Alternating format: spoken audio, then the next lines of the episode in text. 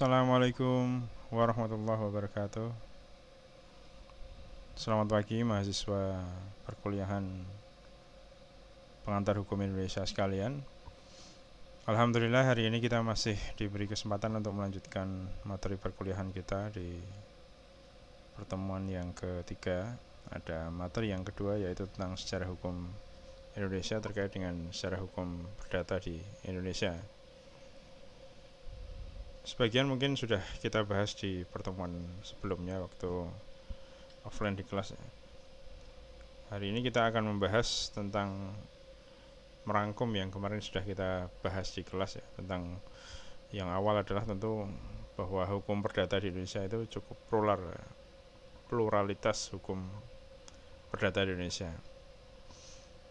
Di masa pemerintahan Hindia Belanda Hindia Belanda itu 1800 sampai 1949 ya sampai Republik Indonesia Serikat muncul. Penduduk Indonesia dibagi menjadi tiga golongan di waktu masa Hindia Belanda dan masing-masing golongan memiliki hukum perdatanya sendiri. Kemudian menurut pasal 163 ayat 1 IS atau Indische Staatsregeling penduduk Indonesia dibagi dalam tiga golongan ya yaitu ada golongan Eropa. Kalau menurut IS tersebut yang masuk dalam golongan Eropa adalah semua warga negara Belanda, kemudian bukan warga negara Belanda, melainkan orang yang berasal dari Eropa. Jadi Eropa selain Belanda, kemudian semua warga negara Jepang. Nah, ini menarik karena Jepang masuk dalam kategori golongan Eropa. Kemudian orang-orang yang berasal dari negara lain yang hukum keluarganya sama dengan hukum Belanda. Jadi masih dalam rumpun waktu itu tentu di Indonesia belum atau Nusantara ini belum mengenal sistem hukum yang kita kenal sekarang ya atau masuk dalam kategori sistem civil law. Tentu yang dimaksud di dalam apa kategori bahwa orang-orang yang berasal dari negara lain yang hukum keluarganya sama dengan hukum keluarga Belanda tentu adalah negara-negara yang di Eropa kontinental yang identik dengan Belanda dan punya nuansa apa latar belakang yang sama terutama dalam hal religi nuansanya juga Katolik dalam hal hukum-hukum keluarga.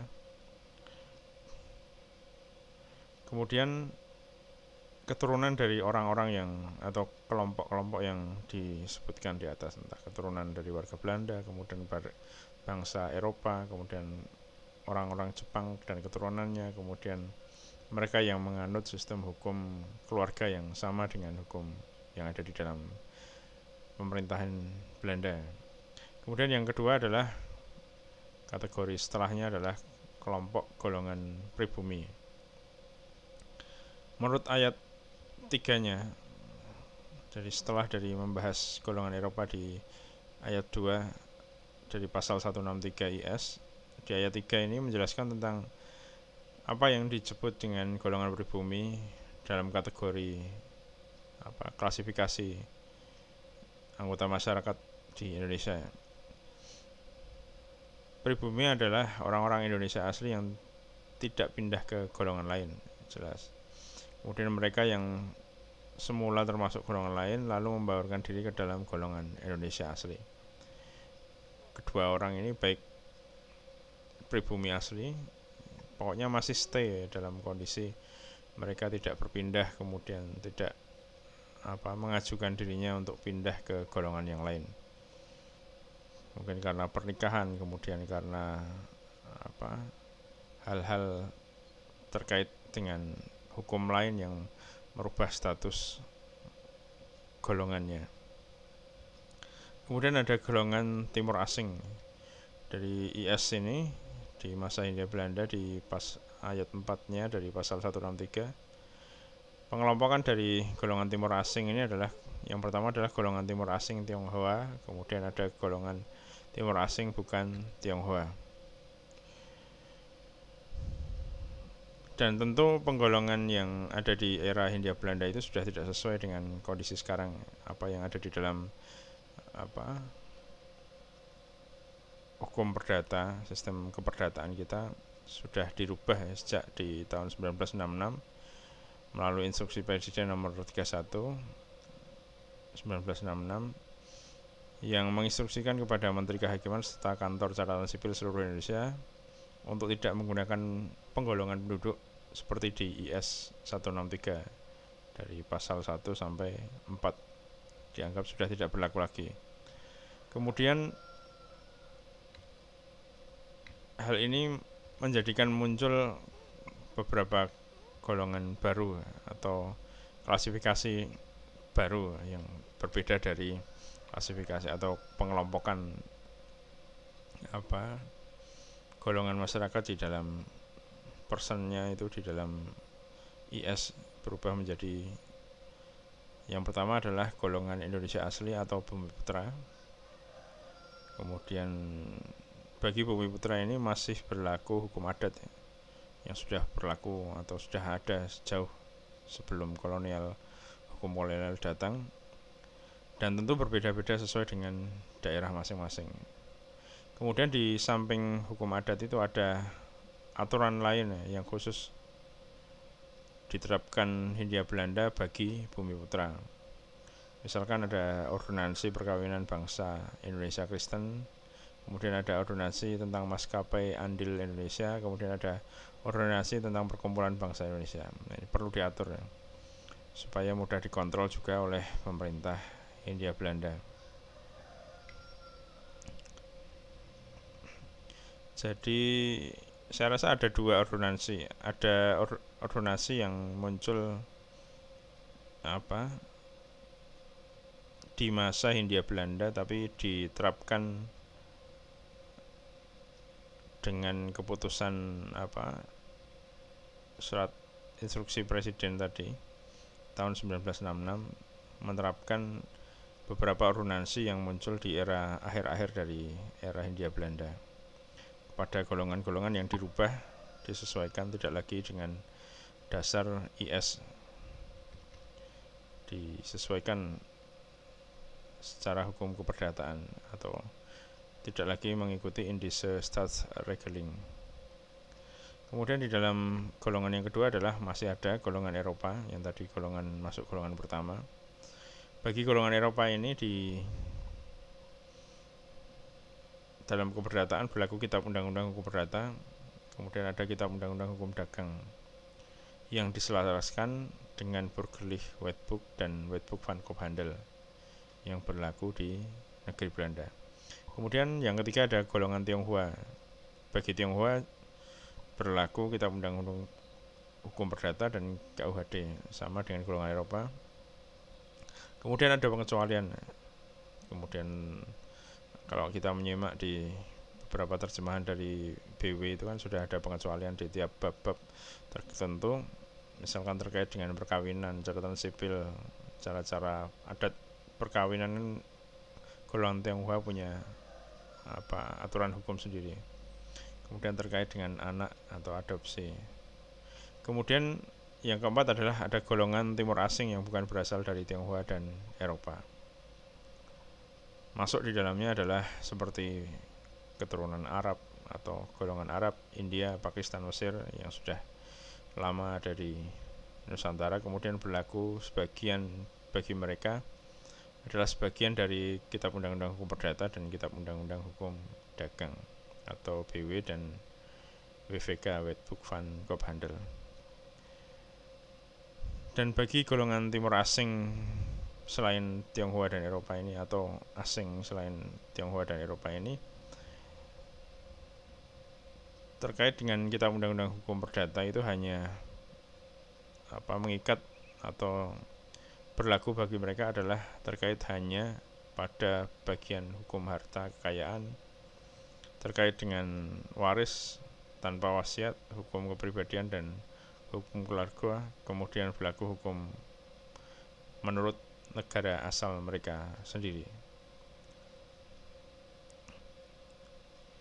Dari sini terlihat bahwa kita melihat dari sejarah awal saja ketika apa hukum kolonial itu sudah bertemu dengan adat istiadat kemudian mereka mulai diimplementasikan kemudian juga sampai dari hukum kolonial itu berubah menjadi hukum nasional pun kita masih melihat bahwa ada ada hal-hal yang sifatnya pluralistik ya, atau macam yang sebagian kemudian dikodifikasikan ke dalam kitab undang-undang hukum dagang dan undang-undang hukum perdata. Kemudian sebagian lainnya dalam beberapa aturan berbeda, kemudian muncul aturan-aturan atau regulasi lain yang uh, memberi apa? memberi mengisi ya apa yang celah yang tidak digunakan oleh beberapa golongan kemudian ditetapkan dengan menggunakan atau menerapkan aturan hukum lain. Misalkan ada mereka yang muslim terutama tidak menggunakan sistem perkawinan atau aturan keluarga tentang perkawinan yang ada di undang-undang hukum perdata kemudian dibuatkan yang lebih nuansanya apa islami melalui kitab hukum perkawinan di Undang-Undang Nomor 1 Tahun 1974 ya. Kemudian muncul juga terkait dengan apa hak tanah dan apa berbagai hal terkait dengan pertanahan yang butuh apa pemahaman dan butuh penjabaran yang lebih luas terkait dengan tanah yang ini tentu di tahun 60-an itu juga apa ramai banyak sekali Eh, keputusan-keputusan yang kita kenal sebagai jurisprudensi terkait dengan hukum agraria. Karena itu di tahun awal tahun 1960 atau di awal 60-an muncul Undang-Undang Nomor 5 tahun 1960 tentang hukum agraria yang menjadi tambahan atau apa penjelasan ekstensif dari kitab Undang-Undang Hukum Perdata sendiri dibentuklah Undang-Undang hukum agraria terkait dengan kebendaan tanah dan kepemilikan. Perikatan juga. Kemudian ada hukum ketenaga kerjaan yaitu Undang-Undang Nomor 13 tahun 2003 dan berbagai hukum waris. Kemudian di samping itu masih banyak peraturan hukum lain yang kadang masih saling tebang tindih. Jadi kemajemukan ini tentu sudah mencerminkan bahwa banyak sekali dan beragamnya atau pluralnya yang dianut oleh berbagai golongan yang ada di Indonesia ini. Tidak disatukan karena demi menghormati apa kekayaan adat istiadat agama dan sistem hukum yang sudah mereka jalankan sejak lama. Dan itu masih tentu tidak tidak dipandang bertentangan ya dengan dengan mainstream atau arus utama ideologi kita terutama Pancasila.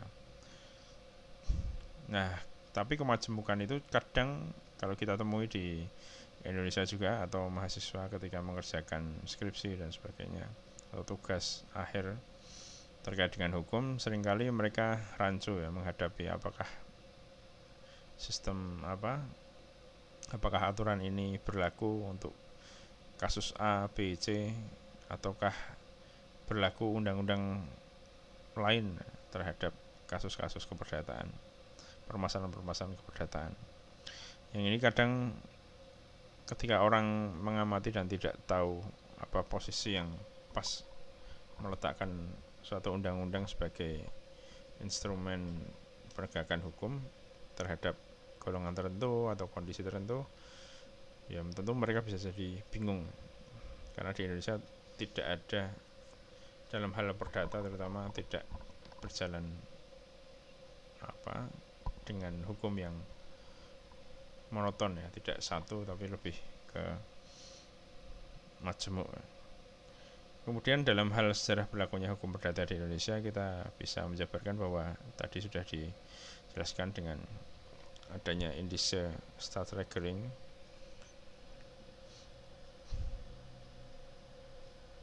ada sistem terkait dengan sejarah ya atau sejarah awal itu. Ada istilah penundukan ya, terhadap hukum kolonial. Jadi ketika sudah masuk hukum kolonial itu di Indonesia itu ada beberapa aturan atau beberapa kategori tentang penundukan diri terhadap sistem hukum kolonial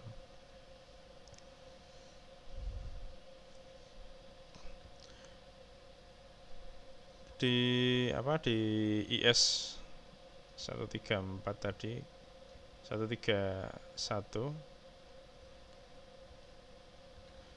131 kita dari ayat 1 dari IS Belanda.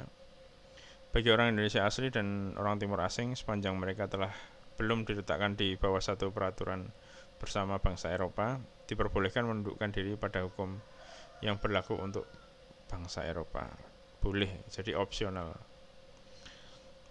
kemudian berdasarkan ketentuan tersebut muncul Stadblad 1917 nomor 12 tentang penundukan sukarela kepada hukum perdata Eropa. Jadi mereka yang sukarela untuk tunduk pada sistem hukum Eropa dipersilahkan. Jadi opsional ya dalam hal penundukan atau ketundukan pada aturan hukum. Tentu yang masih tunduk pada sistem hukum para apa para pemangku adat kemudian para ulama pada waktu itu ya tentu silahkan ya tidak ada paksaan. Itu yang menarik dalam hal tentu itu terkait dengan berbagai aliran pemikiran apa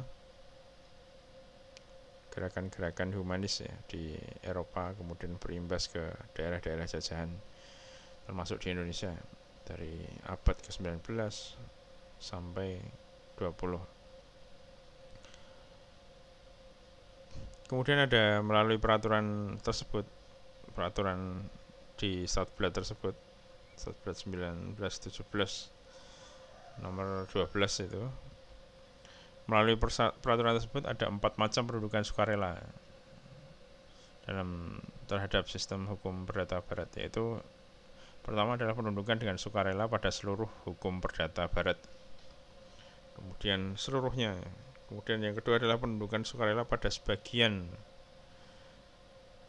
hukum perdata barat. Kemudian yang ketiga pendudukan sukarela pada hukum perdata barat mengenai suatu perbuatan tertentu, hukum tertentu. Pada hal-hal tertentu saja. Kemudian itu masuk juga sebagian ya tentunya. Tapi bisa, bisa jadi dalam hal sebagian kemudian tertentu itu juga bisa dalam makna untuk kondisi tertentu atau kalau sebagian kan selamanya dia akan tunduk pada yang sebagian itu. Sedangkan yang tertentu ya hanya pada kondisi tertentu dia tunduk pada beberapa aturan. Misalkan dalam perikatan perjanjian dan sebagainya tentu ketika berkontrak dengan apa pihak yang tunduk pada sistem hukum kolonial dia juga akan ikut mengikuti ketentuan-ketentuan tersebut. Kemudian dianggap tunduk pada hukum perdata barat karena menjalankan suatu tindakan hukum tertentu. Penundukan secara diam-diam. Kita lihat dalam hal berlakunya kitab undang-undang hukum perdata di Indonesia saat Belanda menguasai Indonesia, Hindia Belanda memperlakukan Burgerlich Wetboek dan Wetboek van Koophandel, BW dan WVK. Dua kitab ini lalu ditiru dengan dasar asas konkordansi untuk penyusunan kitab undang-undang hukum perdata dan kitab undang-undang hukum dagang. Tapi tentu disesuaikan ya, karena ada beberapa golongan yang tentu tidak menggunakan, tapi lebih sebenarnya apa lebih mungkin ditiru atau lebih ke menerjemahkan dari BW dan WVK. Kemudian kodifikasi tersebut diumumkan di 30 April 1947 atau pertengahan dari abad 19 dengan mengacu pada Statblad nomor 23 dan berlaku baru berlaku mulai 1 Mei 1848 di Hindia Belanda. Jadi satu tahun setelahnya itu baru berlaku di wilayah Hindia Belanda. Kemudian di pasca satu abad kemudian pada masa pendudukan Jepang 1942 sampai 45 pemerintah militer Jepang di Indonesia mengeluarkan Undang-Undang Nomor 1 tahun 1942 pasal 2 yang menetapkan bahwa semua undang-undang termasuk kitab undang-undang hukum perdata dari Hindia Belanda tetap sah untuk digunakan sementara waktu.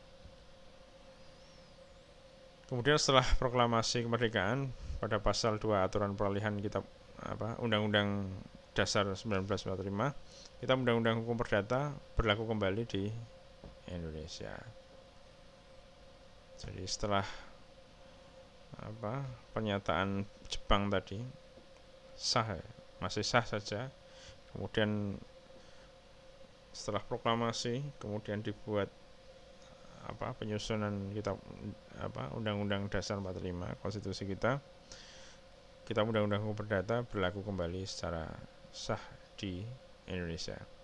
Kemudian pada masa RIS Republik Indonesia Serikat pada tanggal 27 Desember 1949 dari 45 sampai 49 KUH Perdata masih diberlakukan sesuai dengan pasal 192 ketentuan peralihan konstitusi RIS. Kemudian di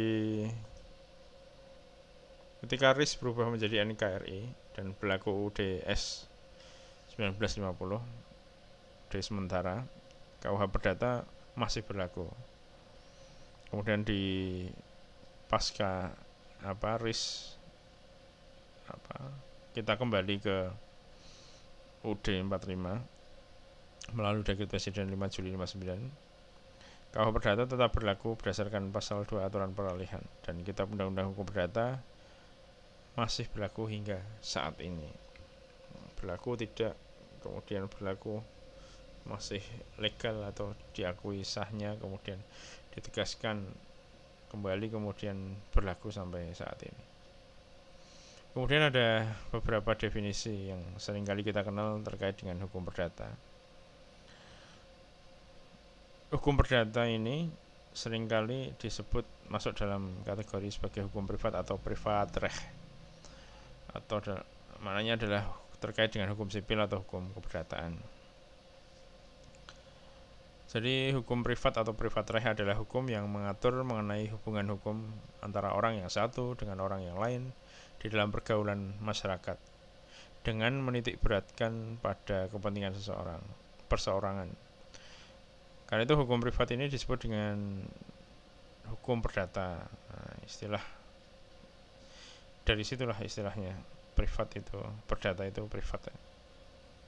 Bahwa itu adalah kontak antara hukum yang mengatur antara orang per orang dan orang lain baik itu secara naturally person maupun reh person atau person secara natural atau kita secara biologis atau reh person lembaga hukum yang diakui sebagai person menurut kita undang-undang hukum perdata didefinisikan tentu lahirnya lembaga tersebut atau sebagai reh person tentu ada landasan hukumnya baik itu akta pendirian maupun ada undang-undang yang mengatur tentang berlakunya lembaga tersebut.